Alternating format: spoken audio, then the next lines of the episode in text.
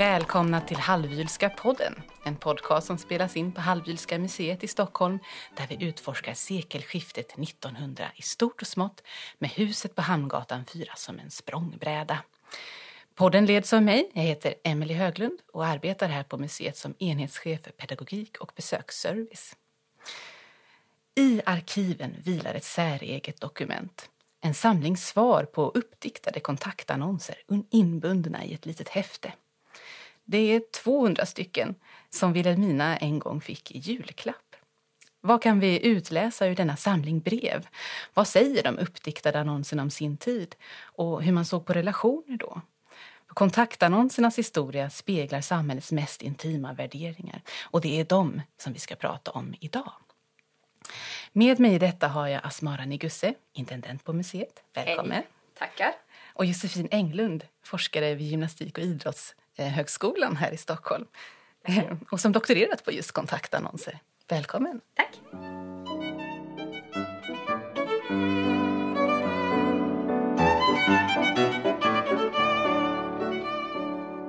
Om vi börjar med frågan på allas läppar. Varför har vi det här dokumentet i arkivet? Alltså, vad är det för något?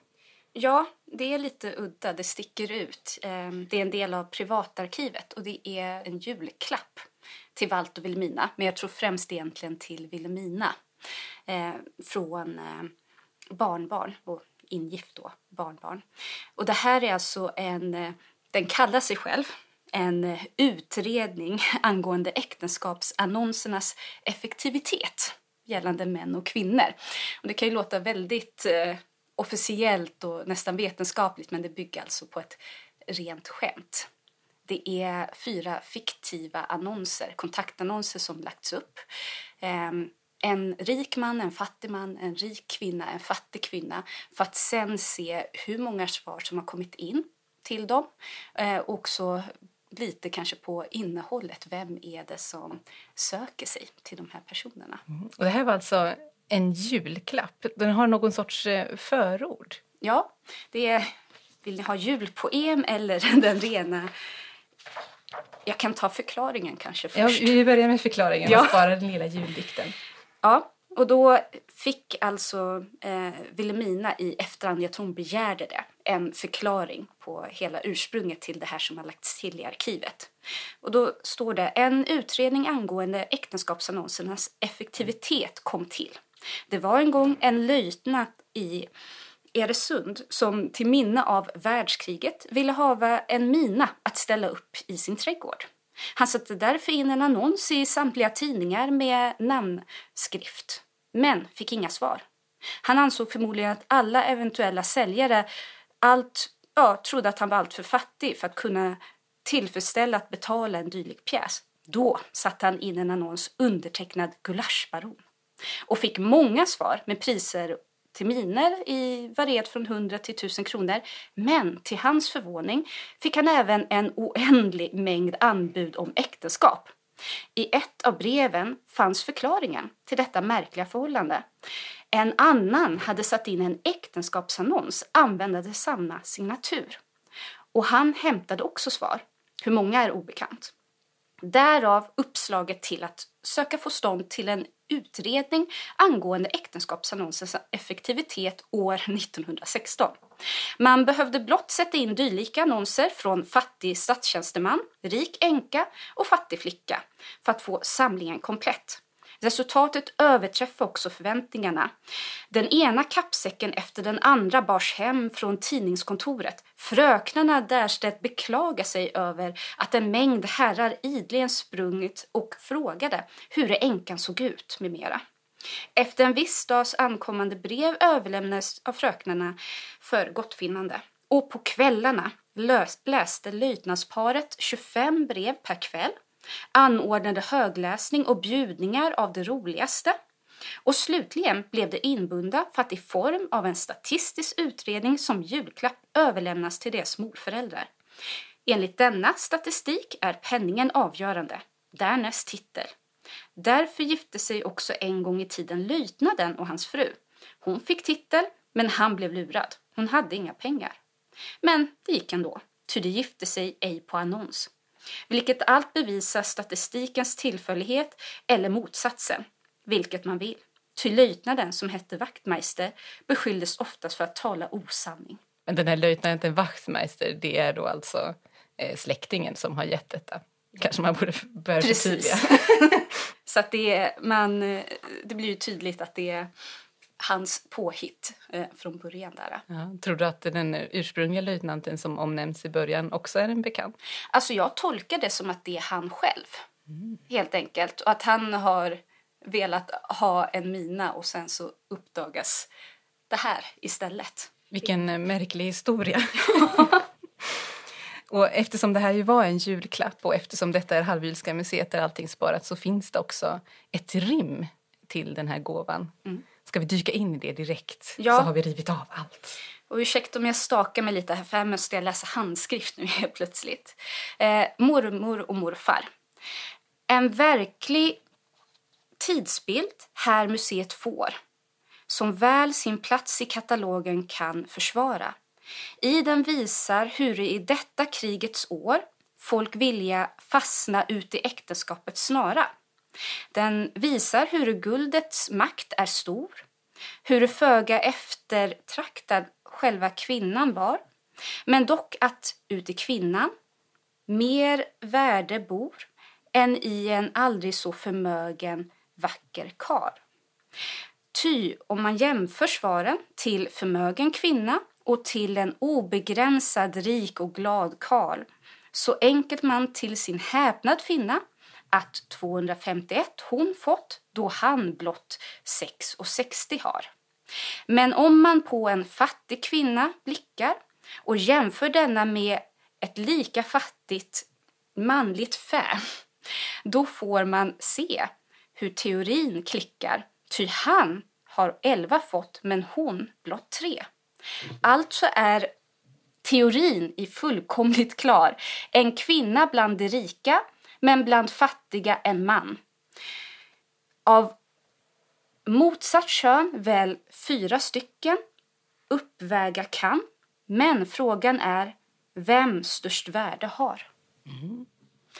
Lite stakande, men där kommer det fram och där fick vi också höra lite om svaren om vem som var eftertraktad och vem som fick mest svar. Ja, vi ska återkomma till det lite längre fram.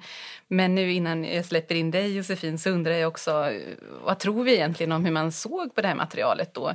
Kan man tänka sig att Wilhelmina kanske hade ett lite mera eh, eh etnologiskt perspektiv på materialet än, än given att det var därför hon eh, beställde det här förordet till eller trodde att det var en etnologisk undersökning från början eller mer en lustifikation i och med de här uppläsningarna? Ja, jag skulle säga med tanke på hur löjtnanten förklarade så ett skämt i grunden, någonting som roar. Och jag kan ju säga redan nu att en del svar i kontaktannonser så säger de att vanligtvis så roas jag av att läsa kontaktannonser men jag har aldrig tidigare svarat. Så man märker att det finns överhuvudtaget någonting som gör att man kanske läser utan att leta efter en partner. Men Wilhelmina med tanke på att hon sparat pressurklipp, med tanke på att hon gärna gör jämförelser med vad som händer runt om i stan och i resten av landet så är det väl att hon väljer att lägga in det i arkivet och samlingarna med det här förordet för att ge det ett sorts eh, etnologiskt värde. Mm. Är det här ett material som du har stött på tidigare Josefin, eller liknande material? Eller är det ovanligt att samlingar av, spar, samlingar av svar sparas? Alltså det har absolut hänt att folk har hört av sig till mig, eh, både under jag, när jag skrev min bok och när den blev klar och, klar och hör av sig till mig och har hittat samlingar med annonser på vinden som någon mormor har sparat eller mormors mor eller liksom som någon ligger där något urklipp som man inte riktigt vet om. Men det har också hört av sig folk som faktiskt har mormors mormors som har träffats via annons och där breven finns kvar, hur de brevväxlar och hur kärleken växer fram. Där just de här annonserna och svaren liksom har dragit igång en lång händelsekedja som har gett till barn och barnbarn och barnbarnsbarn och blivit en del av en släkthistoria. Eh, och jag tror ju som du var inne på här att eh, det handlar ju om det finns ett väldigt högt läsvärde i de här. De handlar ju liksom om kärleken och liven i en jätte liksom kondenserad liten minibiografi. Och det är ju väldigt intressant.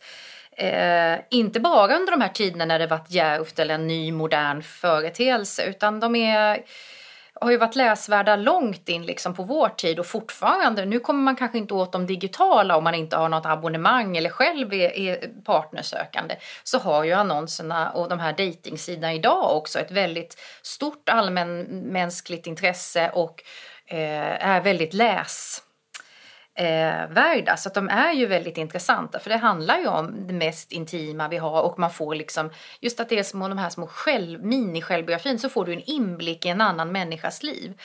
Och också just då som vi ser när man får svaren till, då kan man ju också inte bara som jag har ju studerat idealbilderna i någonstans, hur ser man liksom tiden i det, vad är det man uppfattar som gångbart? Utan då ser man ju också hur en kärlekshistoria väcker fram och kärlek är vi ju intresserade av som människor. Eh, och jag kan ju också säga det att de tidningarna som jag har tittat på Dagens Nyheter och de har ju byggt mycket av sin framgång just på att ha många små annonser, inte bara kontaktannonser men små annonser allmänmänskliga annonser överhuvudtaget. Så att ha de här annonserna gör ju tidningen väldigt läsvärd även för de som kanske inte läser tidningen i vanliga fall liksom, så är den här typen av annonser väldigt läsvärda och väcker vår nyfikenhet. Mm, så det var kanske många som läste utan att svara?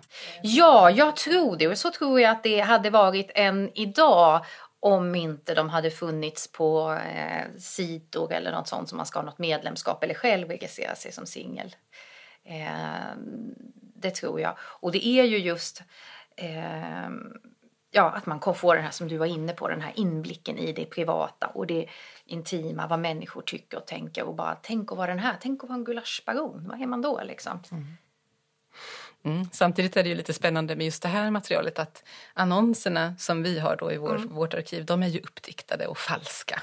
Precis. Men svaren är ju äkta. Ja, de är ju äkta. Och det är ju också så, jag måste ju säga att de har gjort ett ganska bra jobb. Nu kanske gulaschbaron, vet ni vad en gulaschbaron är?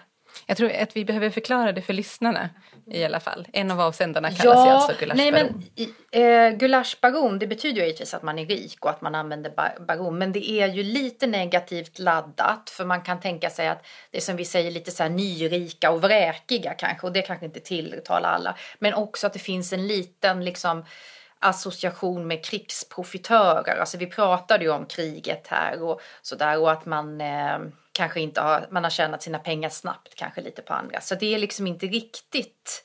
Men det är klart, nyrik är ju trevligt att vara även om det är finare att ha gamla pengar på den här tiden såklart. Så att, men jag tycker att de har gjort ett bra jobb de här eh, annonserna som jag har fått ta del av här. Så att det är väl möjligtvis att gulaschbaronen är obegränsat förmögen. Annars så tycker jag att eh, en gulaschbaron, det var ganska många adelsmän och godsägare som annonserade. Mm. Mm. Hur lyder de här annonserna kanske vi ska avslöja också ja. för lyssnarna? Men då kanske vi ska börja med eh, gulaschbaronen och alltså annonserna där det är två fiktiva män. Så gulaschbaronen börjar då med titeln Bekantskap. Ung och glad samt obegränsad förmögen gulaschbaron önskar bekantskap inom parentes eventuellt äktenskap med likasinnad fördomsfri flicka. Svar helst med foto till Gulaschbaron Tidningskontoret Drottninggatan 65. Och därunder så står det att det fick 66 svar totalt. Och motsatsen blir då statstjänsteman ung med fördelaktigt utseende utan någon som helst förmögenhet önskar bekantskap inom parentes eventuellt äktenskap med flicka med samma egenskaper. Ett par kronor dock önskvärda för likställdhets nående.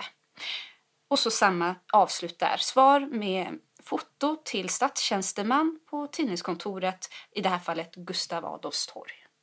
Det här med inom parentes eventuellt äktenskap.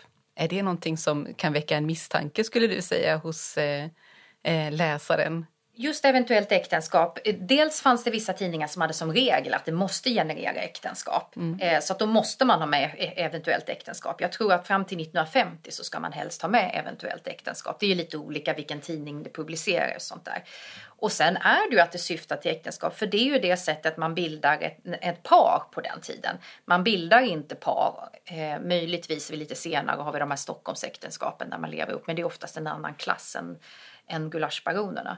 Eh, så det är absolut inget konstigt utan det är, eh, det är vanligast att man skriver, att man visar sin seriositet, vad man tänker sig med. Och det behövs dels under den här tiden för att vara seriös men sen är det också viktigt längre fram när det finns andra sätt att bilda par att man faktiskt är seriöst intresserad av en långvarig relation. Jag tänkte att man kunde läsa det precis tvärtom. Ja. Att man är intresserad av en bekantskap eventuellt äktenskap. Ja, precis. Men, nej, eh, men är inte, inte under den här läser. tiden. Nej, nej. Och uh, ja, hela genren faktiskt så är det. Och just den här tiden är jag ganska säker på att nu vet jag inte vilken tidning det rör just här, men att det är nästan ett, det är ett måste att ha med, för annars kan vi inte ta in den. Liksom. För då finns det en risk för att det finns prostitution och sådär i. Det blir en osedlig relation som man annonserar. Precis. Om vi stannar vid de här männen just nu mm. då och tittar på dem. Mm. Ehm, jag vet att du har berättat förut om att kontaktannonser är mycket av ett genreskrivande. Passar de in i, i mönstret? Ja, alltså de passar absolut in. Och jag tänker på det här som att just att de valde att skriva fattig och rik och testa. Det är ju så just under den här tiden när vi ligger liksom efter första världskriget, 1910-tal och så. Då är det fortfarande väldigt vanligt att man oavsett om man har pengar eller inte skriver ut det faktiskt. En ung fattig flick, flicka till exempel, exempel är inte konstigt att skriva. Det som sticker ut lite i den här annonsen med tjänstemannen, det, tjänstemän är generellt väldigt populära och brukar få väldigt många, liksom, det brukar vara väldigt gångbart. Så att det som jag tror här är utan några som helst pengar, eller vad det, vad det stod, att det blir lite att ta i. Men annars så kunde liksom, och lika det här, jag har absolut stött på annonser under den här tiden där man skriver att det är bra att om hon har någon liten peng för likställighet, eller någon liten peng om det skulle vara så att min försörjning inte räcker. Så att det är mer att det, liksom det här ordet att inte någon som helst. Mm. Så det är inte innehållet på det sättet utan det är de här små orden. Eh, för det var viktigt att positionera sig och det är en som sak som visar hur viktigt ekonomi var. Att det var viktigt att positionera sig oavsett om man hade pengar eller inte. För att hitta rätt under den här tiden handlar om att hitta rätt klassmässigt, socioekonomiskt. Och då är det viktigt att tala om man är, vad man är, tjänsteman, ung flicka eller om man är, jag har faktiskt grevar och baroner i mitt material också. Så det är viktigt. Så det, är inte det som sticker ut och, eh, utan det är nog mer vem som man vill ska svara. För är man en fattig flicka så vill man ha svar från en fattig också. Mm. Mm. Gällande annonsen, jag märkte att eh, vi kommer ta kvinnorna sen, mm. men varken där eller Gulaschbaron prata om utseende, men statstjänstemannen gör det. Säger att han har ett fördelaktigt mm. utseende. Är det normalt att män gör det? Ja, alltså eh, huvudtaget så handlar ju utseende, man sku, utseende är väldigt frekvent förekommande även under den här tiden. Och, men då inräknar jag också de som efterlyser foto och sånt där. Och det kan ju handla om att man vill veta att det finns de bakom. Speciellt om det är en ganska ny och modern företeelse så vill man ha ett foto för att kunna stämma av mig. Jag har till exempel några som skriver porträttsamlare undanbedes och sånt där. Men man vill liksom veta att det är någon bakom. Så att där är ju foto intressant. Men annars är just precis det du säger, fördelaktigt utseende eller godtagbart utseende. Det är så man stämmer av. Så att det är liksom inte det viktigaste, men det ligger hela tiden om man tittar på de äkta annonserna så ligger det liksom som ett filter bakom och äkta i betydelsen inte äkta att de är sanningsenliga utan äkta att de är publicerade med ett eh, ett, ett seriöst syftet är äkta med dem. För sen kan vi ju givetvis bara studera idealbilder och vad man uppfattar som gångbart. Och uppenbarligen har eh, löjtnanten här läst en massa annonser och sett det här verkar vara gångbart, det här verkar kunna fungera. Men är det då, tror du, att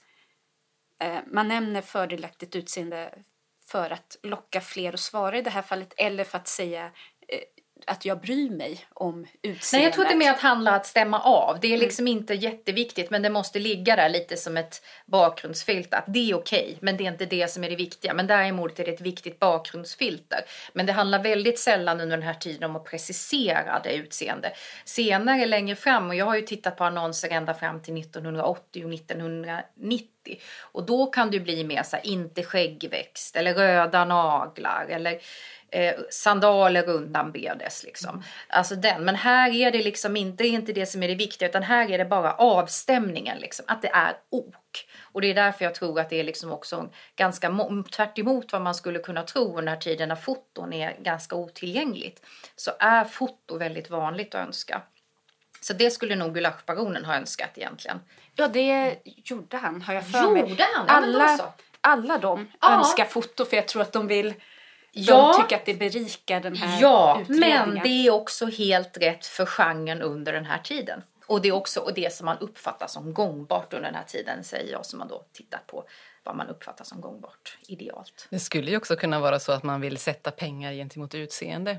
Att den ena mannen har gott om pengar, säger inget om sitt mm. utseende och den andra mannen har det fördelaktiga utseendet men absolut inga pengar. Och ja, vem som får mest precis. svar där. Också. Ja, men jag, jag, tror ändå att just den här tiden så är det mer som ett liksom avstämnings filter. Jag tror aldrig det stod och föll med det på något sätt utan det är en bakgrund. Så just för att det, man kommer aldrig längre liksom mer än fördelaktigt ok och foton och så. Så det är min tolkning. Men jag kan absolut tänka mig att de ville mäta flera parametrar. De ville testa klass och utseende och kön. Mm. Mm. Om vi hoppar över till damerna då. Ja. Hur lyder dessa annonser? Då har ena rubriken Ung förmögen änka med fördelaktigt utseende. Ja, men där hade vi faktiskt det. Ägarinna av fyra större fastigheter i Stockholm. Önskar bekantskap, inom parentes eventuellt äktenskap, med fördomsfri ung herre. Förmögenhet bisak. Svar, helst med fotografi, till änka 22 år. Allmänna tidningskontoret Gustav Adolfs torg. Och den här, den får ju 251 svar. Så det är väldigt tydligt favoriten på ett sätt. Och sen har vi ung fattig flicka. Önskar bekantskap, eventuellt äktenskap med förmögen, fördomsfull ung man. Helst officer. Svara helst med foto till 23 år på samma tidningskontor och den här får då endast tre svar. Står det fördomsfull? Ja. Ja, det, det är ju, sticker ju ut. Utan fördomsfri är, och då menar vi inte fördomsfri i den här betydelsen man är fördomsfri sexuellt eller någonting så, sådant. Men det är annars ett väldigt vanligt sätt att skriva att man är vidsynt. För det här är ju ett modernt sätt att man liksom ska kunna vara öppen. Så det är ju väldigt konstigt. Eh, att, och där gjorde de nog ett litet felval med fördomsfull. Mm. Vad menar man då? Att man ska vara en trångsynt person? Ja, precis. Och det är bara det man brukar oftast vilja här, det är ju att säga att man är så pass fördomsfri så att man kan tänka sig att annonsera. Så att här var det ju väldigt, men annars är det ingenting som är konstigt med den annonsen tycker jag. Om man jämför med de annonserna eh, som jag kikar på liksom. Om vi tittar bara på själva annonshistoriken då. Hur mm. länge har vi haft eh, kontaktannonser i samhället? Ja, alltså det kan man ju säga, när kommer kontaktannonser? Det som är lite intressant är ju att kontaktannonser och platsannonser ligger ganska tätt. Här hade vi ju någon som sökte något, alltså de här små, sökte en mina och sen så liksom upptäckte man det här att man, nu var det ju en signatursammanblandning. Men det är inte, den här sammanblandningen är inte helt, helt eh, unik och det hänger ju mycket samman med också att äktenskap handlar ju inte om, som vi kanske tolkar det, att det handlar liksom om vad ska man säga om, alltså på något sätt, vi, vi har ju någon föreställning idag om att vi ska hitta vår livspartner i intressen och den liksom rena kärleken. Utan här är det, det som är intressant med, med de här annonserna är ju just den motsägelselösheten mellan ekonomiska övervägande och att hitta någon att leva med. Och det gör ju att när de första annonserna kommer så kan det också vara liksom nästan i formen av platsannons. Och det kan jag se ända, ja, nästan ända fram till 1940-talet kan man se det här. Eh, hushållet ska sökes, eventuellt äktenskap. Alltså att de går ihop, att, att liksom få ihop försörjningen och få ihop li livet arbetsfördelningsmässigt är inte väsensskilt från äktenskapet. Så beroende lite på när man börjar titta, för då kan man ju säga att det finns ända från 1400-1600-talet liksom. Men man brukar säga att de mer första kommer på 1700-talet och jag vet att British Museum har en samling med annonser just från 1700-talet. De har nog inte svaren, så där är ni lite unika. Mm. Mm. Där står, ni, eh, får, står British Museum slakt jämförs med det. Eh, men eh, eh ja, som ungefär från 1700. Och jag har ju tittat på Dagens Nyheter och den grundades ju 1860-talet och där finns det ända från början finns det kontaktannonser. Men som sagt de kan flytta ihop lite med varandra ända in på 1900-talet. Men 1700-talet skulle jag säga. Ja, för när man tittar på de här annonserna så känns de ju otroligt sakliga. Det är svårt att skaffa sig en bild egentligen av personen bakom. Men det är då alltså helt i genrens eh, mönster på något sätt. Att det, det är, Eh, finns den här likheten med en platsannons. Ja, och också att det liksom finns inte den här motsägelselösheten mellan, de materiell, mellan materialitet och emotionalitet, känslorna. Liksom. Det finns inte den motsatsen. Eh, och det är liksom, här eh, talar man om de här basfaktorna, vad man jobbar med, eh, hur mycket man tjänar och så. Medan sedan också, vi får ju också tänka som om jag då tittar på ända fram till 1980, då har vi ju liksom här i före världsfärdssamhället när den här lilla undersökningen gjordes som ni har i er samling. Sen har vi ju liksom där vi har alla på något sätt garanteras en viss grund. Eh, där liksom extra materiella tillgångar blir mer liksom någon sorts guldkant på tillvaron. Här handlar det om att beskriva liksom bas, livsavgörande basvillkor. Så att sen när liksom grunden är klar, liksom att man, vi har den här tryggade basen i och med bland annat socialförsäkringssystem och att Sverige ju faktiskt växer från ett fattigland till ett liksom, eh, land med gott välstånd så är ju inte det här lika avgörande. Och Eh, då plötsligt byggs ju den här motsättningen mellan ekonomi och känslor in. Och då blir känslorna liksom det som ska vara avgörande och då måste man ju profilera sig på ett annat sätt. Då kanske det inte är exakt vad man skriver utan vilket, vad man väljer att skriva för typ av av material. Det blir viktigare att, att beskriva vilken typ av person man är. Och det är kanske det som du skulle uppfatta som lite varmare, lite mer personlighets. Men det är ju helt enkelt vad som är gångbart och idealt som är dels är kopplat till kungen men dels också kopplat till samhället, hur samhället ser ut, vad man lever i. Vad är kärlek? Eh, och vad, är, vad grundar man en relation på? Då är det viktigt att veta jag gillar, eh, som idag till exempel, jag gillar paragliding eller jag vill åka skidor. Det är ju inte intressant utan här måste man hitta rätt, inte utifrån fritidsintressen utan hitta rätt utifrån klass. Mm. För det blir ju också mycket en fråga om vad, hur man ser på äktenskapet också. Är det en kärleksinstitution eller är det en ekonomisk Ja, och det, det, precis. Det hänger ju samman med samhället där och den här föreställningen om vi har att Hitta rätt är att hitta den som vill göra lika och vill göra samma. Man ska vara lika. Här är det ju snarare då att man och kvinna liksom, och man har olika uppfattningar. Det finns ju en väldigt stark genusaspekt på det här. Man vill inte hitta den som vill göra samma utan man vill hitta den som kompletterar den. Mm. Och det finns ju ett tidigare poddavsnitt som man kan lyssna på också om man vill fördjupa sig lite ytterligare i detta. Eh, äktenskapet, ditt livs affär, eh, som man kan fördjupa sig i.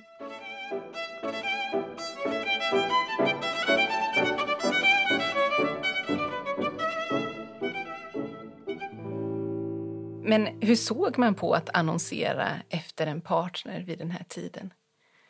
Var det mm. kontroversiellt eller var det något man kunde vara helt öppen med? Nej men det är absolut så kan jag ju se att de flesta eh, annonser innehåller någon, alltså de flesta signaturerna innehåller allvarligt menat och så, vilket en av era annonser här också gör. Så att det är viktigt. Det finns ganska många som berättar om att det är ett nytt sätt och att man eh, ja, det finns liksom vissa förbehållsamheter inför att lämna ut sig på det här sättet. Eh, som absolut bör man tala om att det är nytt och modernt. Och det handlar ju speciellt då för kvinnor kanske under den här tiden. Eh, dels kvinnor i offentligheten är inte helt okej, okay, speciellt i vissa klasser. Eh, de väldigt fattiga hade ju inte den lyxen liksom.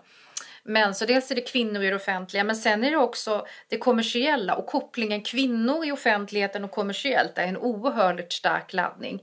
Och sen då är det också att offentlighet, vi hade en mycket större skillnad mellan offentlighet och privatliv som vi nu med pandemin har upplöst totalt liksom kanske. Men då var det en ganska stor skillnad inne, ute, vem är inne, vem är ute och vilket kön och vilken klass. Och att då lägga ut den här eh, trots att man kan tycka som du var inne på en ganska krass eh, syn så är det inte någonting som man gör i offentligheten liksom och eh, med kommersiell bakgrund. Så det finns den här laddningen liksom också att det är eh, kvinnor offentlighet men också att det finns pengar inblandade, det är fult liksom. Att man har betalat för Att man har annonsen. betalat för annonsen. Utan det ska ju, även om det är pengar inne, som vi sa, vår livsaffär och ibland är det ju rena affärstransaktioner när man efterlyser. Det är ju inget konstigt att man skriver hur många byggnader. Jag har någon, som, någon man som skriver hur många fruktträd han har och allting liksom. Eh, att det är inte det konstiga, men däremot att inte kunna lösa det så. Men framför allt tror jag det handlar om synen på singeln. Mm. Det är framförallt det jag tror, att vara väldigt länge så var ju de som inte gifte sig nästan inte fullgoda vuxna. Eh, och det finns, och som kvinna har du då inte hittat någon, försörja, för någon som kan försörja sig. Det är ett misslyckande i sig. Och som man blir du ju liksom ungpojke, gampojke och du blir ungmö. Att inte bli gift är i sig ett misslyckande. Och vem vill slänga ut detta i det offentliga och dessutom betala för det? Så att den laddningen finns och den har ju inte släppt än förrän i våra dagar. Medan ja, jag skulle säga det är fortfarande inte så. Oj, har han inte träffat någon än? Så att den laddningen kommer, all, kommer ligger tills vidare fortfarande och ligger ju väldigt starkt och här också. Man borde ha löst det på annat sätt Man än att borde ha löst det på annat sätt. Och framförallt i den här tiden som vi pratar om eh, så är, är det ju skört också att eh, lägga ut det till offentligheten och ta betalt speciellt om du är en kvinna. Det är så många olika spår här i svaren. Vart ska man börja? Eh, nej men just nu fick jag också en bra förklaring till det här med att en del skriver, speciellt män skriver, har ett ungdomligt utseende men är inte barnslig av mig. Att de vill betona att de inte är... Det känns som att det är lite kopplat till det här att man inte riktigt ses som fullvuxen, att man inte uppfyllt sitt livsuppdrag om man inte träffat någon ännu. För det är oftast de som påpekar också att det är liksom, ja, jag har inte träffat den rätta ännu eller liknande, inte hittat ett passande möte. Ja, nej, en del har jag stött på som till och med förklarar. Jag har tagit hand om min gamla sjuka mor så först nu och jag, jag har inte hittat någon i min vänkrets under den här tiden som vi pratar om just nu. Det försvinner sen. Då motiverar man varför man är singel också i en del annonser. Mm. Och sen eh, är det flera bland kvinnorna de svarar till gulaschbaron som nämner att de inte vill bli en gammal nucka och att de känner att de liksom, deras liv går dem förbi. Eh, kanske ska anmärka här att de flesta som skriver så är mellan 19 och 22 år. Så det säger också vilken press man har på att ingå i äktenskap väldigt snabbt. Eh, oavsett bakgrund. För att de flesta av dem som svarar då till eh, vare sig eh, gulaschbaron eller statstjänsteman skriver att de är en ung fattig flicka. En liten fattig flicka. Eh, så att det är liksom inte bara den övre eh, klassen här märker man som kanske känner att man vill komma vidare i livsutvecklingen. Men det här med ekonomi, det, det tyckte jag var väldigt passande. Att det inte, där märker man att det inte bara är i annonserna man uttryckligen sätter ett värde på att man har en ekonomi som tryggar för att skapa eh, också äkta kärlek och, och rätt sorts kärlek. En av dem som svarar här skriver att ehm, jag hoppas nu att eh, för första gången känna lyckan. Helst då ekonomin är tryggad, vilket jag anser som ett viktigt faktum vid äktenskapets ingående. Och det är flera som också skriver att liksom en, en sann lycka uppstår först när ekonomin är tryggad, när vardagen fungerar. Så att där får man ju en rätt snabb förklaring till villkoren man levde i där. Eh, det gäller att man tillsammans ska kunna överleva. Mm. Det finns inget skyddsnät från samhällets sida som fångar upp en eh, på det sätt som det gör idag, precis som du sa, Josefin. nu är det ju ganska korta beskrivningar av eh, personerna i de här annonserna men om man också utgår från din forskning där. Kan man se att det är samma sak som efterfrågas i annonserna som, eh, som sen också beskrivs i svaren? Eller, man ska, eller att man letar efter samma saker hos varandra? De här idealbilderna? Så att säga? Stämmer de överens? Ja, det är ju en av de sakerna som jag tycker är så intressant med de här materialen. Man har ju liksom flera olika berättelser. Man har kvinnor som berättar om kvinnoideal. Man har kvinnor som berättar om mansideal. Det är liksom två berättelser. Sen har du män som berättar vad de uppfattar som ett gångbart mansideal och män som berättar vad de uppfattar som ett gångbart kvinnoideal, att kunna få in en kvinna att vilja svara. Så man har liksom fyra berättelser och där finns ju liksom att titta på hur stämmer dessa berättelser överens? Och där är det ju väldigt intressant just under den här tiden så är ju män och kvinnor ganska ense om liksom hur en eh, man och kvinna ska vara. Hur en ideal man och kvinna ska vara. Eh, eller ja, ja, de är ense om man ser det liksom i alla fall om man tittar som, fram till 1980. Liksom. En backlash för ett husmorsideal och så. Men det är ju givetvis eh, beroende på vilken klass och vilket ideal och hur det omsätts i praktiken och så vidare. Men då kan man se att man är lika. Annars är man ganska oense. Genom historien menar Genom historien mm. mellan, mellan könen om hur en man och kvinna ska vara. Eh, och tittar man på Män och kvinnor är alltså ganska oense om det. Men tittar man på hur olika män och kvinnor beskrivs liksom generellt så är det ju någonting som minskar. Man, män och kvinnor blir, uppfattas mer och mer lika varandra över tid. Så här är de ju ganska olika, men då är man också ganska ense om det. Mm. Så den, den är liksom att, och det tycker jag att man kan se hela den undersökningsperioden på nästan hundra år jag har, att man, man blir mer könen uppfattas som mer och mer lika. Det blir en mer jämbördig relation och det känner vi ju igen. Liksom. Eh, även om man här under den här perioden ska vara lika utifrån klassperspektiv. Men man är alltid ganska oense. Förutom just 1890 till 1910 och 1950 så är man ganska oense. Så. Mm. Mm, och väldigt oense är man 1960. Vad kan man dra för slutsats av det? ja, men jag skulle tro, vi brukar ju prata om att vi har en, en andra vågens feminism och eh, vi har en massa andra som parametrar som kommer in med skilsmässor och ombildningar av äktenskapet och större pålysning då i och med det på föräldraskapet och, och ja, eh, kvinnor som går ut i arbetslivet och första ansatserna till utbyggnad av barnomsorg och sånt där som ifrågasätter könsrollerna. På vissa nivåer i alla fall. Mm. Mm. Och det avspeglas i de här annonserna då? Absolut, absolut. De här annonserna som, du, som ni har här, de är ju barn av sin tid. Mm. Definitivt. Och det är lite intressant att man också ser på...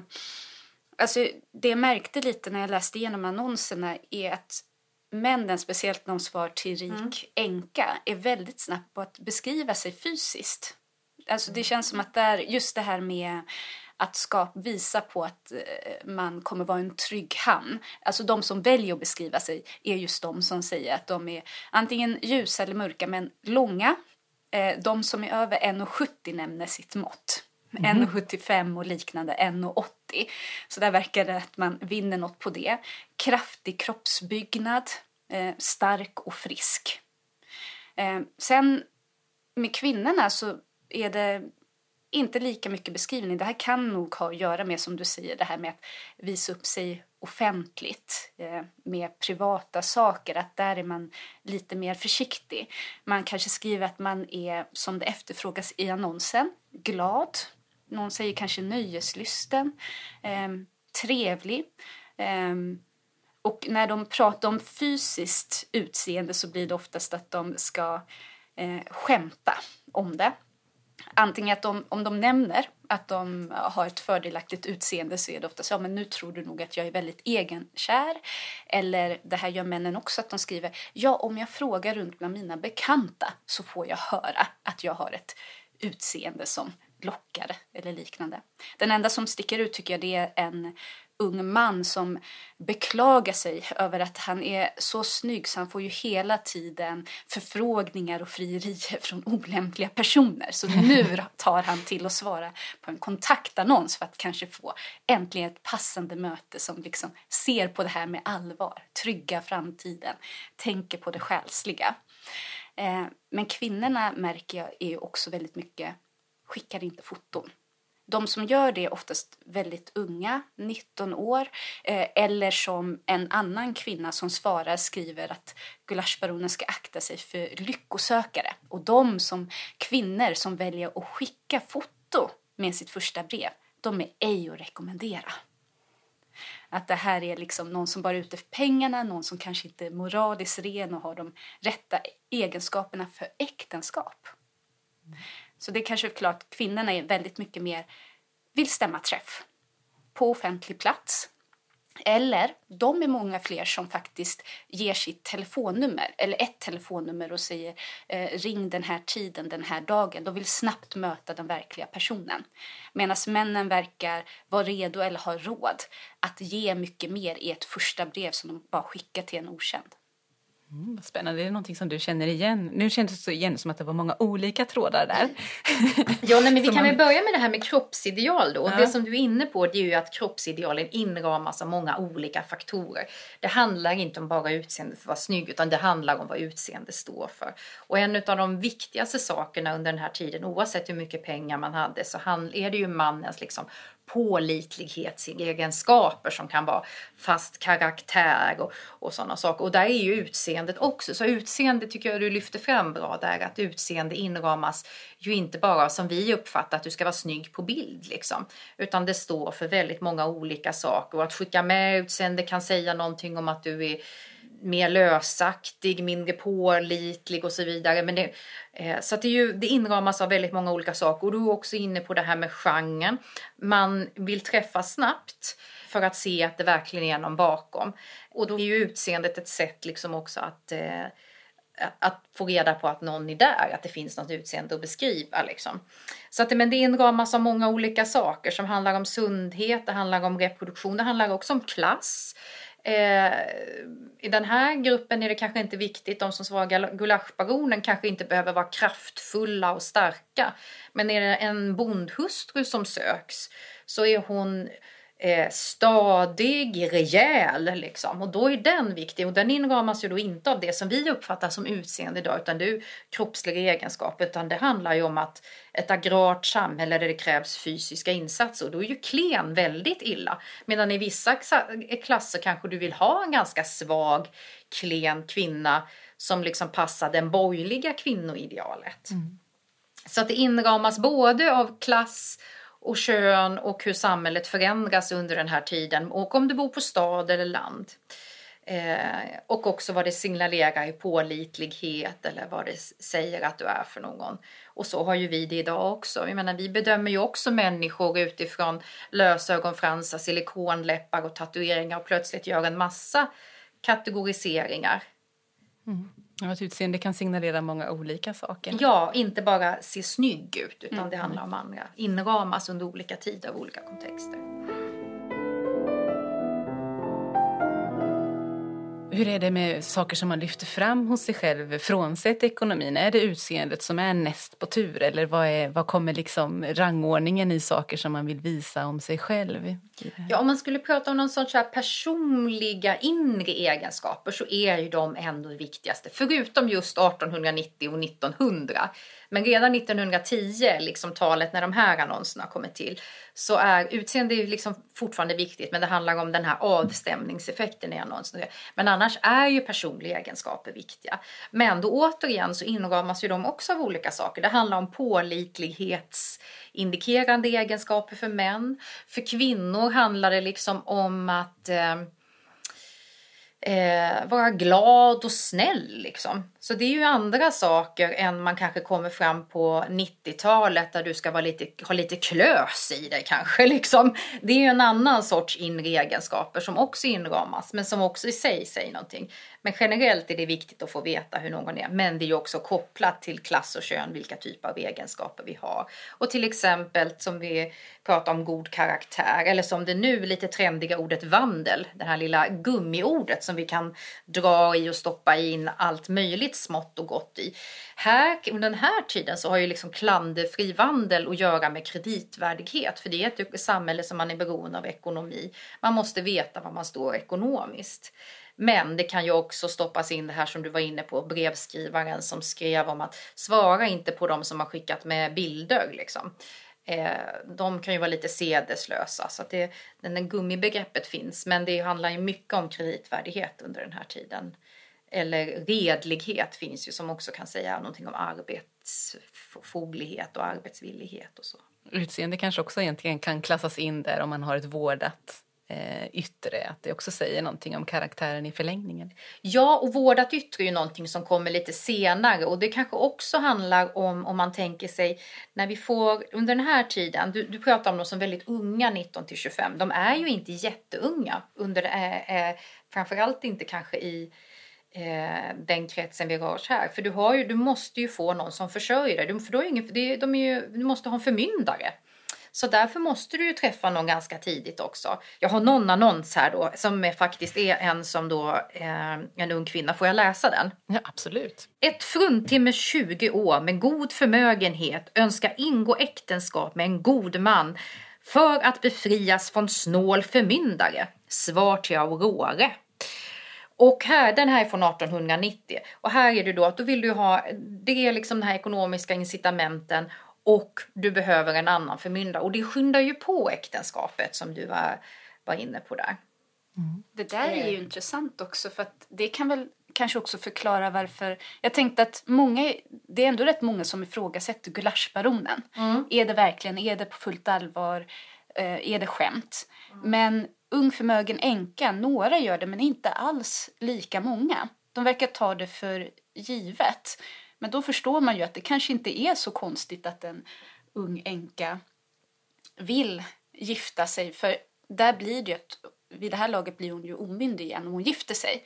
Och så tillfaller hennes fastigheter och, och liknande till mannen. Det är ju flera som varnar för det.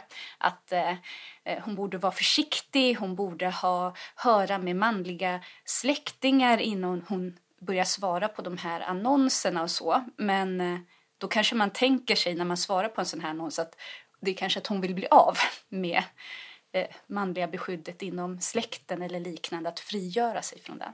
Ja, lagstiftningen och juridiken behöver man absolut ha med här.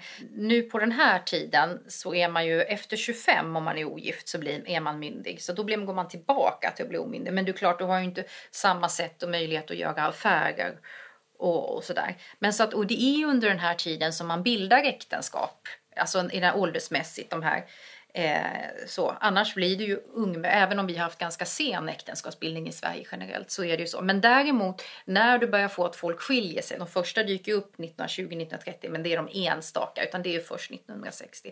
Då blir annonsörer äldre. Och det är där jag kom in på det du sa Emelie där att vårdad, för då är man ju äldre. Man, man, har liksom, man är partnerbildande hela livet ut. Här är man ju partnerbildad i en viss lucka, en viss tid. Där de här, den här tiden som de här annonserna ni har i er samling kommer ifrån. Men sedan, och då blir det ju viktigt att beskriva utseendet också för du är inte ung. Har du skött om dig eller har du inte skött om dig? En 50-åring kan se ganska olika ut beroende på vad du har levt för liv. Eh, men här har man ju alltid ungdomen som sitt lilla eh, kort. Men också, man har också bara en lucka. Mm. Och under den här tiden, apropå det här eh, ditt livs affär, det man gör här är ju det som man förväntas leva i resten av sitt liv sen. Mm. Ett, ett, stort och avgörande val. Mm. Jag vet inte om vi vill höra en, en som jag roades lite av. Ni som sitter här i rummet kan också se att han passade ju på att forma sitt foto som ett hjärta. Ja, vad rart. För att verkligen eh, sälja in sig. Eh, jag kanske ska nämna att eh, de här svaren, allting är digitaliserat. Så blir man nyfiken på de här breven så kan man ju alltid titta via museets hemsida. söka vidare i dem. Men jag fastnade lite, för först tänkte jag att han var väldigt vågad här som nämner att han eh, var en pappa men sen visade sig att han inte var skandalöst en pappa utanför äktenskap. Men här nämner han också lite det här med eh, vanor och personliga egenskaper som eh, kanske inte är så fördelaktiga. Det tyckte jag var lite intressant i de här svaren. Och jag tror man har sett lite i annonserna också att folk vill ju ändå vara ärliga med vad du ska få. Så att visst, man skriver sina bra egenskaper men man lägger gärna till någonting om fel som man har. Och här skriver han då, nu till mig själv. Har den fula ovanan som de flesta unga herrar att jag röker. Eh, men för att bli fördomsfri kan jag även lägga bort det. Eh, han skriver då till den rika änkan. Eh, om ni så föredrar. Är det dessutom pappa åt en liten, och sen inom parentes, fyrfotig taxameter. Mm. är ej förmögen heller, fattig, är 23 år, spelar piano samt dansar. Så att rätt så snabbt kommer in i lite de här olika egenskaperna, utseende förutsättningarna. Och det där känns väldigt typiskt bland svaren. Det är antingen det, med lite personliga, lite humoristiska, eller så är det ungefär som när man svarar på en jobbannons så är effektiv. Man använder samma ord som annonsen. Så att de är liksom till eh, eh, Gulaschbaronen. Då härmar de annonsen och skriver ja, eh, glad och ung och söker bekantskap. Eh, vill du träffa, eh, stämma träff den här adressen eller lämna ett svar till det här tidningskontoret och bara direkt vidare. Men sen finns de som faktiskt skriver flera sidor. Hur är det med svaren i allmänhet, du som har gått igenom materialet Asmara? Är de mer personliga? Kommer man åt, är det här typiskt, att man är skämtsam på det här sättet och delar med sig av sin personlighet och sätt att uttrycka sig? Eller är de avvaktande och anonyma? Alltså jag skulle säga både och. Alltså här blir det verkligen, ungefär som du nämnde med kontaktannonserna i din avhandling, att det är ett material där man kommer folk nära och även om man på det stora hela kan hitta eh, likheter eller kanske kan dra slutsatser så visar det allra främst hur komplext det är och hur olika man kan vara och hur olika man kan vara inom sig själv i detta. Så det finns flera som är snabbt på saken, bara vidare. Inte så roande att läsa kanske. Eh, det finns de här som blir väldigt personliga. Vissa verkar också skriva bara för att skriva till någon. Det är någon som nämner att eh, aldrig gjort något sånt här men det är, jag vet inte riktigt vad som fallit i mig. Men eh, det är något spännande med att skriva till någon man aldrig kommer möta att bara den här kontaktsökande utåt. Och jag kan nämna att i annonserna så dyker upp väldigt mycket det här kring ah, ensamhet. Och man vill inte vara ensam eller att man känner sig ensam. Sen så eh, är det ju många som faktiskt vill förtydliga på fullt allvar. Jag svarar nu på fullt allvar. Jag svarar utifrån förutsättningen att du menar din annons på fullt allvar. Flera skriver skämt, undanbes. Vissa är rädda för att det är ett skämt och därför förklarar de att de väljer att vara anonyma. Till exempel inte skicka foto, inte beskriva sig själv, inte ange adress eller liknande utan ber att svara på en annons med det här namnet om du menar allvar. Ehm, man märker väldigt mycket att det är också offentliga platser, tidningskontor, konditori, cigarraffärer. Oavsett om det är män eller kvinnor så är det flera som nämner lämna svar eh, vid en sån plats. Och sen, eh, som vi nog kommer till slutet där, så är det till och med någon som avslöjar hela skämtet eller experimentet. Det som roar mig också lite att några skriver, en kvinna, kanske kan läsa en del av det brevet sen, men hon skriver uttryckligen, jag tyckte att hon skrev så slarvigt, men så skriver hon i slutet där att eh, jag skriver ej med min riktiga handstil för att det inte ska kunna kännas igen. eh, om det är så att vi kanske känner varandra i verkligheten. Hon är en av dem som antyder på att hon har högre status. Jag tror hon till och med skriver vid något tillfälle där att ja, jag söker det inte för att fånga en baron. Jag skulle kunna få en greve om jag ville. Och det är några andra där som skriver att de medvetet skriver med skrivmaskin för att det inte ska finnas något identifierande som handstil i brevet. Ja, spännande. Är det vanligt att man eh, brevväxlar över en längre tid eller snabbt kommer i kontakt? Eh, Josefin, om du tittar på ditt material där. Nej, jag blir ju lite... Jag har ju som sagt var inte tagit del av svar systematiskt. Så jag blir lite paff att de är så på och, och träffas. Att de, jag tänker att de ville skriva lite längre. Men jag kan tänka mig också att det finns den här oron som jag också känner igen som skriver skämt undan BDS och sådär. Mm. Att man är osäker på det. Sen vet man ju inte hur många skämt egentligen var. Men man är osäker på om det finns skämt eller inte. Just det, för det var någonting som du hade sett i annonser också i din forskning, just detta med att man understryker att man menar allvar. Ja, det är vanligt, precis. Och jag tror att det är att den här genren är ju ganska ny då liksom. Så det absolut, jag tror så. Men det blir ändå lite, tycker jag ändå var spännande att höra att de vill ses ganska snart. Och det, det korrespondenter jag har tagit del av, då skriver de ändå ganska ganska länge liksom och det tar ett tag och efter lite förvecklingar och så här, eh, hur man ses och sådär. Så, så jag blir ändå nyfiken på att redan efter ett första brev så föreslås det att ses på ett konditori eller något sånt. Men jag kan tänka mig att det är den här att man, man vill inte investera någonting för man vet faktiskt inte ifall det är någon bakom. Man är osäker på det här sättet att mötas. Det här moderna sättet som de säger. Mm det är det... roligt att de säger moderna sättet om det nu har funnits sedan 1400-talet. Ja, men precis. Men det får vi diskutera. Jag tror att det är modernt att det slår igenom här. Och sen har vi då också, det kanske tog lite längre tid innan det kom till Sverige. Det kräver ju en del teknik och sådär. Mm, spridning ja. av dagspressen Så, också. Ja, precis. Kanske. Men det här med att man väljer att ses på offentlig plats, tänker jag, det måste väl vara en riskminimering. Nu tänker jag tillbaka också i poddens historia när vi har pratat om bekantskapssöke som just hur homosexuella män kunde söka kontakt mm. med varandra genom att klottra och stämma träff på offentlig plats och så kan man välja om man eh, ger sig till känna eller inte och man hinner göra en liten bedömning för att det inte heller är säkert att den man möter ju faktiskt eh, har en vänlig inställning.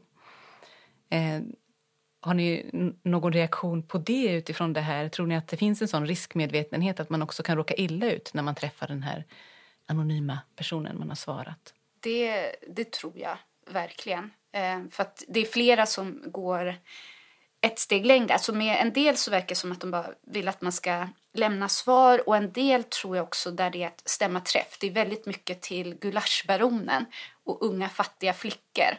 Eh, så är, känns det också som att det är komma förbi den här högen av svar, att sticka ut och på något sätt liksom säkra eh, det här mötet och den här mannen innan någon annan får fatt i dem.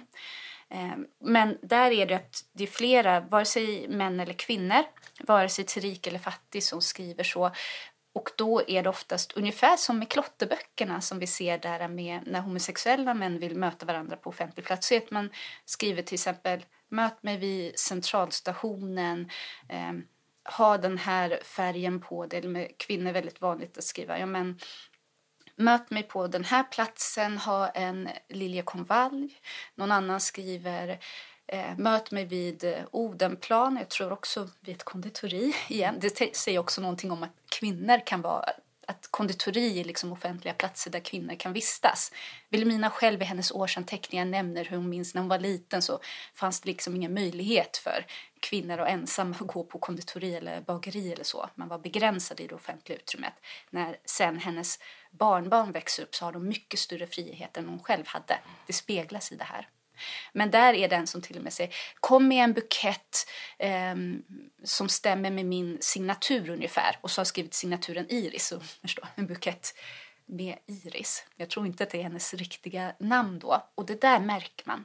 De skriver eh, hela tiden eh, sätt de skyddar sig på. Och det känns som att det är två saker. Skydda sig och skydda sin heder. För de säger hela tiden diskretion efterfrågas eller hedersamt och de lovar att de kommer vara diskreta också om de får svar eller om de väljer att stämma träff. Man märker att det här är inte riktigt okej okay, offentligt ut att mötas på det här sättet. Um, men eh, sen måste jag säga att det är andra som är lite mer eh, fräcka och vågade. Främst bland männen då till rik ung änka som mer eller mindre skriver kan vara till och med väldigt korta. Jag ser ut så här, jag har det här. Ja, så eh, vill du gå vidare med det här, skicka en biljett med den här adressen så kommer jag att hälsa på dig. Eller någon som vill besöka eh, änkans eh, boudoir och liknande. Någon annan som skriver att ja, jag möts gärna på offentlig plats med den här rika änkan. Men gärna inte där det är för mycket trafik, där för många människor går. För jag vill inte att någon överhör vad jag skulle säga till en kvinna. Mm. Det är lite spännande också tycker jag när du berättar om de här svaren, hur de försöker konkurrera med varandra. Som, Eh, som den här damen som eh, avråder eh, mannen att gå på breven med foto och så har hon själv inte ett foto. Det är lite armbågarna ut. Eller männen som svarar till den rika änkan att hon borde ju höra efter med sina manliga släktingar. Då visar man sig också omtänksam på något sätt. Det kan också vara lite lur, luriga formuleringar känns det som. Ja, man märker att det finns lite som en underkategori av de som använder beskyddarrollen. Att de skriver ett brev där det är nästan som att de inte ens söker en partner, de bara varnar dem så att de inte hamnar i ett opassande möte eller äktenskap med någon som inte egentligen vill dem väl. Och därmed är de den mest lämpliga. ja. Jag gillar också att det är flera, det är nästan som dåtidens ghostande. Flera skriver så här också att det är Eh, jag hoppas inte att det här hamnar i papperskorgen eller det här faller väl med resten av drösen direkt i papperskorgen eller mitt bidrag till papperskorgen. Det är deras här, eh, inledningsfas eller slutfas där de vill betona än en gång att eh, snälla ge ett svar. Så jag undrar också om att det är ett tecken på att det kanske inte alltid är många som ger svar även om de läser breven. Mm. Jag tänker också att det är ett tecken på ödmjukhet. Liksom, återigen så försöker man signalera någonting, precis som du var inne på Emelie där med att man tar, och du sa också det här med att beskydda rollen och sådär, att man visar sig omtänksam. Och här handlar det ju om ödmjukhet också. Och likadant de här tänker jag på som du säger, en del skriver att eh, jag brukar inte men nu gör jag det här. Liksom. Det är ju ett sätt också att eh, signalera att jag är en anständig människa och jag vet att det här är modernt, att jag förstår det här. Så att det är liksom att lägga in de här brasklapparna handlar ju om att täcka ut, alltså skydda den här eh, utsatta positionen som det finns i att lämna ut sitt hjärta på det här sättet. Liksom. Jag brukar inte. Men sen tänker jag offentlig plats. Alltså, jag tror inte att det är liksom, jag men, ingen idag skulle väl gå in på Tinder och säga Eh, om det inte är uttalat att det är liksom någon form av sexuellt möte, så kom hem till mig i den, den tiden. Även om du, så vill du stämma av i en offentlig miljö. Mm. Eh, vi har ju liksom hela den här annonsgenren som kommer, det är ju en trend som handlar, alltså den här som kommer då i slutet av 1800-talet liksom mer, med mer genomslag. Jag menar 1930 slår det igenom totalt och 1950 är enormt populärt liksom. Fast det är fortfarande tabubelagt. Så att det säger ingenting om hur vanligt det är, hur vi ser på det liksom. Det är lite roligt det där du säger. Det är, det är någon som jag minns skriver något så här, eh, ja nu söker jag kontakt på det här moderna sättet eller svarar på en annons på det här moderna sättet. Men det är lite roligt att man märker att 1916 blir nästan en liten brytningspunkt mellan de här kategorierna du nämner i avhandlingen. En del hör till det här äldre och svarar på det sättet. En del märker man är lite mer så här, inne i det moderna. Eh, så många skriver också så här, på det här nu vanliga sättet. Ehm, och att det är kanske spännande och liknande så att man förstår, även om det är ovanligt så är det någonting som på ett sätt accepteras av dem, att det här, det här kan jag försöka. Och det märker man också bland eh, eh, svaren till, ja men svaren till rik änka så är det kanske mer att männen visar på känslor och eh, innerliga egenskaper. Att de pratar om att de kanske inte alltid eh, fokuserar på det här med att skapa trygghet och säkra ekonomin utan de väljer faktiskt att, att gå in på att när efterfrågan om fördomsfria, men det passar ju mig, jag har de här tankarna om livet, jag kanske inte passar utifrån samhällsmodellen på det här sättet men skulle vara fint att hitta någon som förstår mig. Och med kvinnorna så blir det kanske just också det här, eh, någon skriver till och med att det är, ja, och du skriver att du är fördomsfri och det passar mig bra för jag, har, jag vill inte höra något tal om äktenskap. Mera leva det fria livet. På ett sätt så använder flera av dem fördomsfri, inte bara ett sätt att visa på att använder kontaktannonser som medel att söka någon utan också fördomsfri liksom, personliga tyckande. Någon skriver jag, är fördom, jag hoppas att gulaschbaronen är lika fördomsfri som efterfrågar i allt förutom vad kriget har att göra med. Mm, därför där finns en bestämd åsikt. Ja, precis. Eh, men just den här öppenheten till att kanske inte eh, följa idealtypen och ibland också efterfrågan att bli förstådd även om man inte följer idealtypen. Jag tänker lite grann på det också som vi pratade om. Vilka är det egentligen som söker en partner på det här sättet? Är det breda lager i samhället eller är det en särskild grupp som sticker ut klassmässigt? Stad, landsbygd? Hur ser det ut? Nej, jag tänker så här, det jag inte tror det är ju att det är någon sorts partnermarknad för knasbollar. Och det senare kan det handla om att man inte tycker, när, när dans slår igenom, att man tycker inte om att dansa och sånt där. Så det tror jag inte. Jag tror att det är liksom alla människor som har hamnat där som valt att annonsera av olika anledningar. Och det är också tidsbundet såklart. Dels är det kanske då att om man tänker sig att man är begränsad till en, som i det här fallet, besutten, alltså har förmögenhet.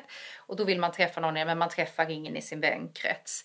Och sen kan man också tänka sig att här har vi börjat resa. Många har rest in till Stockholm, lämnat landsbygden, förlorat sitt normala kontaktnät för att åka och arbeta så det, det, finns liksom flera olika anledningar till att man söker. Eh, och sen tror jag också att det generellt det som vi ser här, det är flera olika klassaspekter. Eh, även om nu Dagens Nyheter som jag då har tittat på kanske är en liksom tidning för affärsmän och handel och sånt där så är det ju inte bara det, för det behöver ju inte vara samma tidning man läser som man annonserar i. För när man vill liksom göra sin livsviktigaste annons då vill man ju såklart hitta det bästa och största mediet. Och just Dagens Nyheter var väldigt stort och det var Dagens Nyheter har ju byggt mycket av sin sin genomslagskraft på de här annonserna. Så där annonserade man även liksom ute i landet i Dagens Nyheter. Och Stockholm var ju inte heller bara på den tiden en stad. Det var ju väldigt mycket omgivande landsbygd. Så det är svårt också att säga vad som är stad och land. Men i mitt material är det såklart mer Stockholm och kanske lite mer eh, köpmän och handelsinriktat. Så. Men annars så verkar det vara alla som annonserar genom alla lager eh, faktiskt. Man vet ju bara såklart vad de väljer att skriva själv och sen kan jag ju titta på Dagens Nyheters prenumerantstockar och vad ett lösnummer kostar kan man ju se också vad de ringar in sig över olika tider och så. Men som ganska heterogen grupp faktiskt klassmässigt. Eh, och åldersmässigt var vi ju inne på det här att det är ju den tiden när man är Eh, Eh, partnersökande och det blir ju äldre och äldre eftersom vi kan ha nya partners hela tiden. Men under den här tiden är det ju liksom, som vi pratar om här utifrån det här museets samlingar så är det ju en lucka. Och kvinnor söker ju också mycket annonser. Även om det alltid är fler annonser än män så är det många av kvinnor och vissa tider har det faktiskt varit lättare till och med att hitta annonser av kvinnor. Vi hade ju ett ganska stort kvinnoöverskott i Stockholm framför allt där vi hade många som inte blev försörjda som behövde. Så att där, i vissa perioder har det varit hårt på männen också. Men annars är det generellt män som söker mer. Och jag tycker man märker det också lite bland svaren mm. här. Speciellt kvinnor att det är, ja, de kanske säger rent ut jag är fattig eller eh, min förmögenhet eh, uppnår till siffran noll eller liknande. Men också att de avslöjar i sin situation. Eh, flera, inte bara kvinnor, men nämner just hur kriget påverkar. Att det är liksom en arbetsmarknad där man saknar plats, där det är svårt och där det då skulle vara skönt att kanske gifta sig med en eller bekan, skapa bekantskap med eh, en obegränsad rik gulaschbaron och lite nyfiken på det. Men det är en här till exempel som eh, eh, skriver att eh, mest är jag sjukgymnast ackompanist eller hushållerska eh, allt efter vad behovet kräver och vilken tillgänglighet som finns. Man märker att man liksom får hoppa runt. Det, är liksom, det kanske inte finns en trygg arbetsplats för en. Så att trygga liksom vardagsekonomin är inte så lätt. Sen finns det andra bland kvinnorna. Vi kan ju se om du tycker att det låter bekant eller om något sticker ut bland vad de väljer att nämna. En skriver att de är mm, stenograf till exempel. Jag gillar henne, hon eh, bifogar eh, foto men också porto för att om det här brevet inte gillas och efterfrågar att fotot ska skickas tillbaka och redan ordnat med pengarna och skriver i slutet bifoga dessa noggrann. Eh, men sen finns det andra som säger det inte rakt ut men antyder till exempel att man är skådespelerska.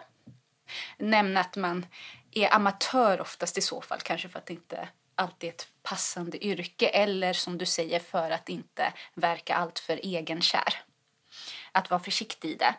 Eh, så bland kvinnorna så blir det lite de här sakerna. En annan skriver att när hon skickar ett foto så är det i uniform. Ja, det är från eh, hushållsskola.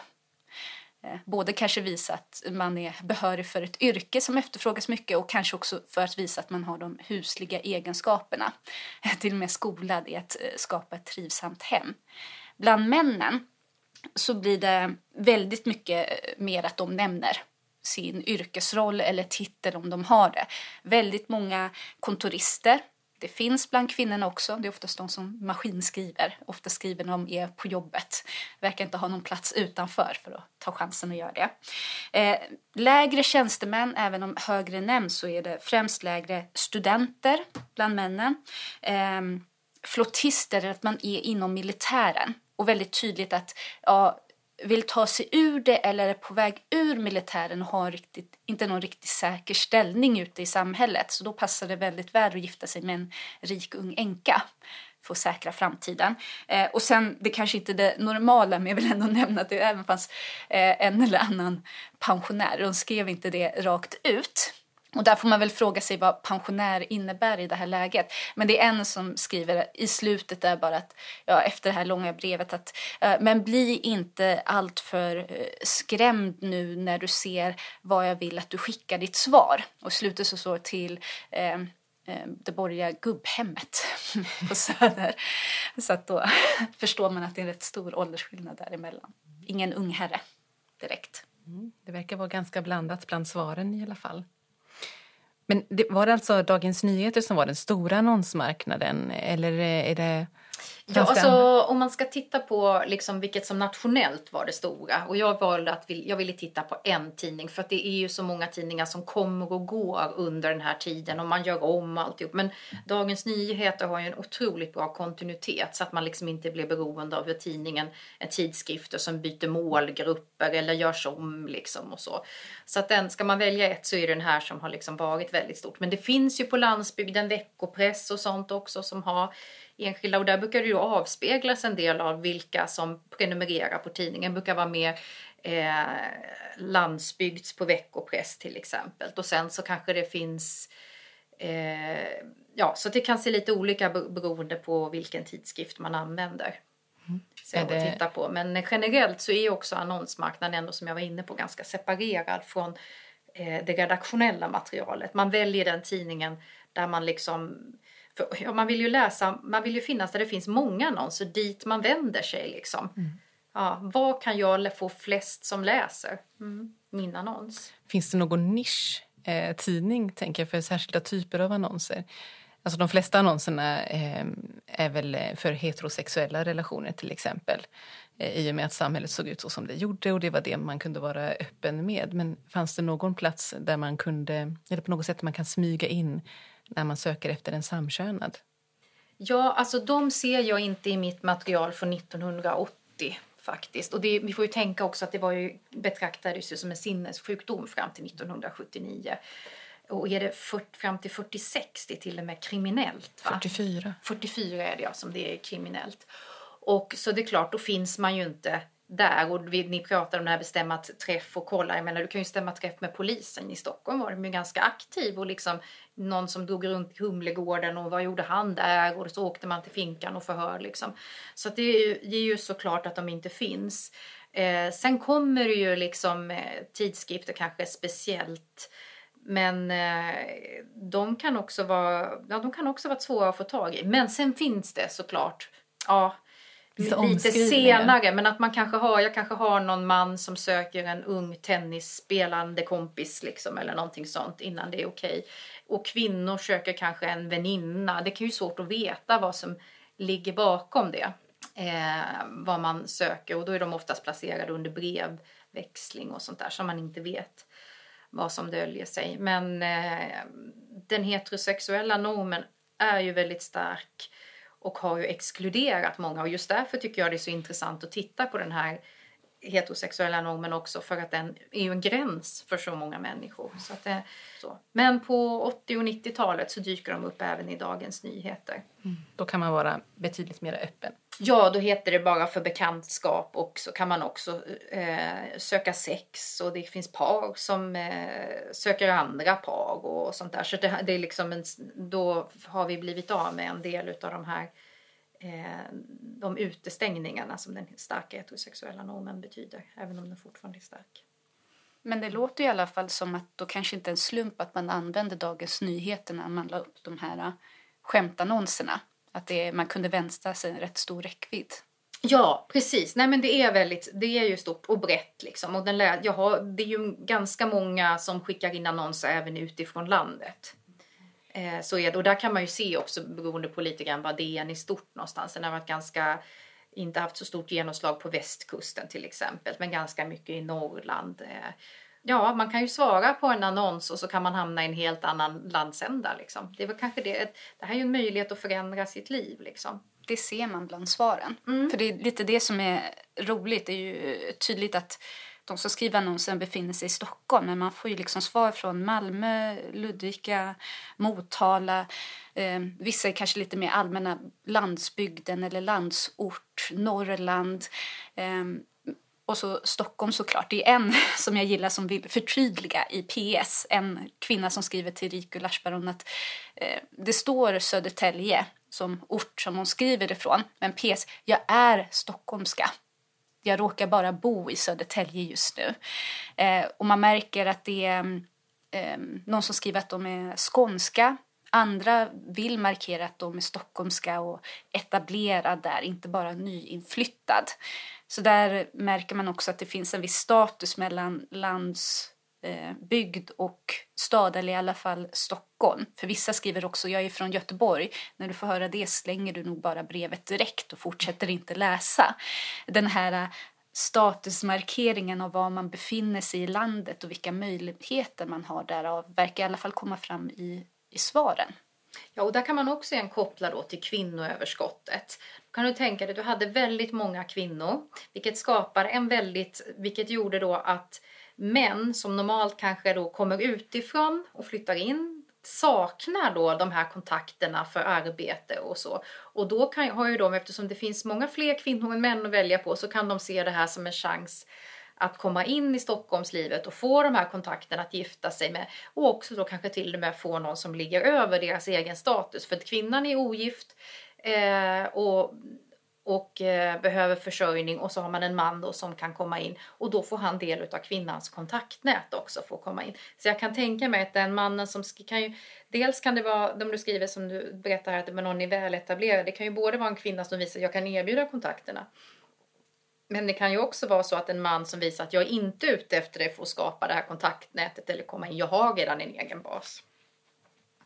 Men så att män utifrån hade ju en, hade en bättre position Eh, än kvinnor utifrån, om man säger så. Mm. Och det är kanske därför det är lite mer... Nu ska jag inte säga att jag har lusläst alla svar, men jag tycker ändå att det är mera män som vågar också säga att de är utifrån eller benämna att de är utifrån och gärna vill komma till Stockholm. Och det här passar perfekt. Det här är ett sätt att etablera sig i staden. Eh, Medan kvinnorna så är väl mer snart de kanske nämner att de precis kommit till Stockholm eller eh, vill gärna stifta bekantskap för de känner ingen annan i staden ännu och liknande och vill mer visa att de redan finns fysiskt på plats. Det handlar inte om att skicka en biljett. Som jag sa tidigare, vissa män var ju till och med så här bara, ja vill du ses, skicka en biljett så kommer jag. Och ha liksom den förväntningen att det skulle kunna ske. Det var trots allt en av de svarande som anade att det var något fuffens med de här breven, Asmara. Ja, det är det som är lite kul tycker jag. Det sista brevet där till eh, den unga fattiga flickan så har vi eh, ett brev från Lindköping. Jag kanske ska läsa upp det. Ja, jättegärna. Följa turen. Och då är det 23-åring utropstecken där. Ta reda på den 22-åriga änkan som annonserar efter fördomsfri ungherre och läs hennes annons och svar.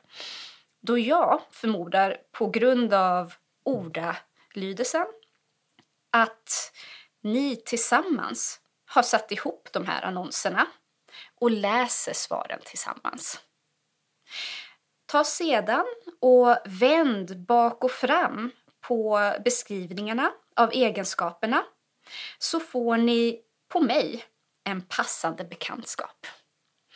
Jag avvaktar med stort intresse ert svar och är enligt er, er önskan fördomsfull nog att bara teckna mig, Sörre. Och så är det inte ens en riktig adress utan det är box 15 vid Lindköping. Och så avslutar han det hela med ett hade jag ej rätt? Mm. Nära sanningen, men kanske inte riktigt. Och här är det ju ordalydelsen, precis som du var inne på Josefin, som blir det de faller på, fast i de kvinnliga annonserna istället. De var allt för mycket varandras motsats. Precis, och eh, ja, tog väl i lite väl på något ställe där. Mm. Man kan inte hjälpa utan att egentligen tycka lite synd om alla som har svarat eh, på det här i god tro. Det här är väl den enda som egentligen genomskådade. Men där man ber om diskretion och man hoppas att det är allvarligt menade annonser. Och sen får de upplästa på det här sättet. Inte just nu i podden tänker jag på, utan just hemma hos paret Wachtmeister. Och sen bortgivna som en lustifikation. Ja, många oroar ju sig för det. Flera skriver frågandes eller hoppandes att det här inte är ett pojk eller eh, flickskämt eller att det här inte bara är för att eh, läggas ut någonstans eller offentliggöras. Man är liksom rädd för att det ska hamna i eh, opassande händer. Och det är ju därför man är, som vi pratat om tidigare, så försiktig. Man eh, ser till att man är anonym på olika sätt och man ber mer eller mindre alltid om att få foto tillbaka. Det jag roas av är också att några skickar foto och, alltid ber om ursäkt att det är amatörsfoto när det inte är studiofotografi. Men vissa nämner då att ja, ursäkta det lite dåliga eller suddiga fotot men det är det jag känner mig mest trygg att skicka. För där, där ser man dem inte så klart. Så om vi skulle råkas på gatan så behöver jag inte vara rädd för att du skulle känna igen mig. om det är så att man inte får ett svar tillbaka eller om det skulle skickas ut. Det är någon som sitter på en båt till och med. Man ser två män rätt så tydligt men så skriver hon ja, jag är den som är längst ut där på båten. Du ser mest en armbåge och min lilla vita hatt, mössa. Men det räcker gott nog.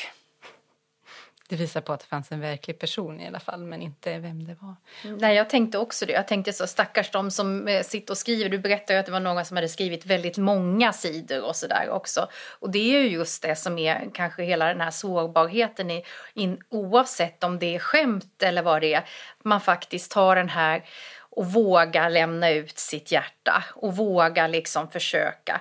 Eh, det är ju den här utelämnandet i det här. Det är ju den sårbarheten, vilket också säkert är en del av det som eh, kittlar oss i läsvärdheten med det. Absolut. Och det här med diskretion, det var någonting som man också kunde se i annonserna, att man utlovar diskretion. Ja, man utlovar diskretion, eh, diskretion och att man också skickar tillbaka det fotot man har skickat under vissa tider och så. Mm. Mm.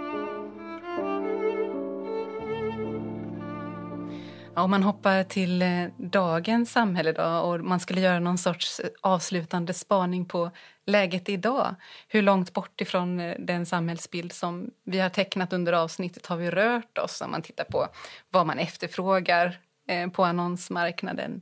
Ekonomisk situation, social status, fritidsintressen. Vad är det som är viktigt idag? Ja, vi ska ju säga först under den här tiden vi tittar så finns ju inte fritidsintressen alls med utan eh, fritidsintressen är ju, det, är, ju, är ju det man sysselsätter sig med handarbeten och sånt. Och i vissa klasser finns det då kanske någon som spelar piano men då är ju inte det kanske ett fritidsintresse utan det är en del av en eh, kvinnoroll också. En social kompetens ja, precis. Eh, så att det som händer det är ju precis att det här eh, motsägelselösheten mellan ekonomiska övervägande och emotionella övervägande försvinner. Man skulle kunna säga att man går liksom från någon sorts ja, materialitet till emotionalitet. Det materiella blir mindre viktigt och vad man känner och vad man tycker och tänker är det som blir viktigt. Eh, och så blir ju också individen allt viktigare. Man skriver mer jag och man berättar om vem jag är och vad jag vill. Och då vill man också då, trots att det blir mer individuellt, så vill man också att den man söker ska vara lika. Så har det inte varit innan. Man ska vilja lika och tycka lika och man ska passa ihop utifrån ett, liksom ett likhetsperspektiv mer än, ett, mer än att komplettera varandra. Så det är lite paradoxalt, att man söker det individuella men någon som ska vara på samma sätt som jag. Eh, det som då försvinner det är ju just det här som jag sa att det, eh, vad man jobbar med blir inte lika viktigt som vad man vill göra på fritiden. Åka skidor eller paragliding eller vad man, man har en segelbåt och sådär. Eh, under 70 och 80-talet. Utan man kan tänka sig mer att eh, relationen är liksom det som ska fullborda livet. Det man ska liksom eh, det är inte längre ett medel till att eh, försörja sig eller ett medel till att få ett arbete eller ett medel att komma, eh, etablera sig på en ny arbetsmarknad eller få ett kontaktnät som vi pratar om i Stockholm då kanske. Utan istället är relationen målet. Det är målet i sig, från medel till mål på något sätt. Eh, så kan man se det under 70 och 80-talet. Och sen så får vi ju internet och ganska snart dyker ju eh, datingsidor upp och sedan dyker datingappar upp. Eh, och de har ju ungefär samma format som kontaktannonserna. Men där är ju, eh, fortsätter man ju ännu mer liksom att skriva till varandra i det privata så som man, de svaren som du har fått del av här och de får vi ju inte del av. Men det man kan se ju när man tittar på annonserna det är ju att Eh, ibland är det beroende på vilken datingtjänst man använder så måste det fyllas i vilket yrke man har så det kommer upp automatiskt. Men annars även när det inte behövs så är det väldigt vanligt att man fyller i och skriver vad man arbetar med så man börjar gensortera människor efter det. Och framförallt är det också så att vilken datingapp man använder sig av är också nischat till vilken typ av människor man söker. Om vi tar Tinder till exempel som har fått ett väldigt stort genomslag. Det är en ganska bred eh, massa med människor. Det finns alla, en heterogen samling, ganska många olika sorters människor. Medan eh, det finns kanske för de som tillhör en liksom övre medelklassen och eh, läkare och vd och direktörer och sånt.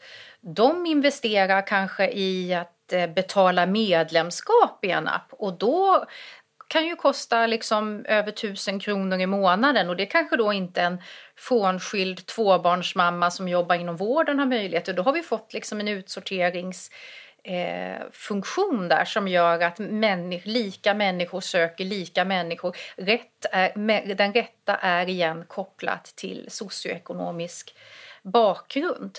Eh, så det sker igen i dagens tjänstesamhälle en, rep, en reproduktion Eh, kan man kalla det, av eh, socioekonomisk status genom äktenskapet, genom äktenskapsappar eller vad som man kallar eh, datingappar idag igen.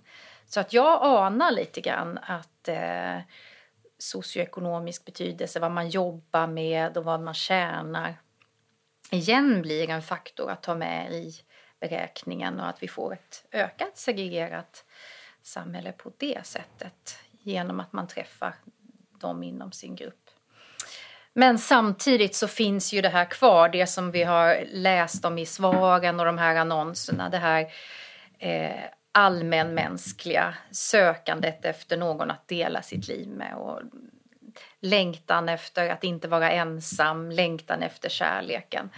Och den tycker jag ju går igen i under ända från de era annonser här på museet till Tinder-annonser så är det just det här allmänmänskliga sökandet efter kärlek som ändå syns igenom, fejk eller inte. Jag tror att det blir bra ord som får avsluta det här avsnittet. Tack så mycket Josefin eh, och tack Asmara för att ni kom hit och delade med er av allt ni har fördjupat er i kring detta. Och tack också alla ni som har lyssnat till oss. Tack!